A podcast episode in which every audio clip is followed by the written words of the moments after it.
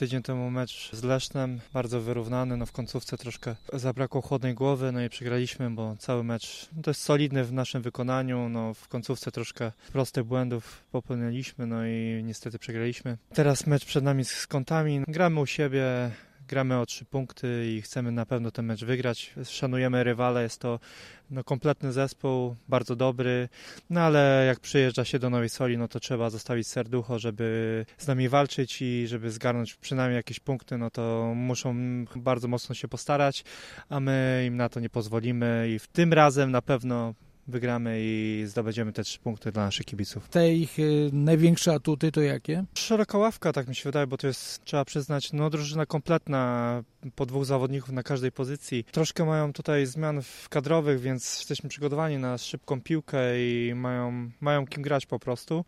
Dlatego no, ta szybka piłka i w pierwsze, drugie tempo, a atak bezpośredni, no to jest na pewno ich główna taka moc w ataku, no i wiadomo, no, bramka też niczego sobie, więc trzeba będzie się po prostu przyłożyć do tego meczu, no i wydaje mi się, że damy radę.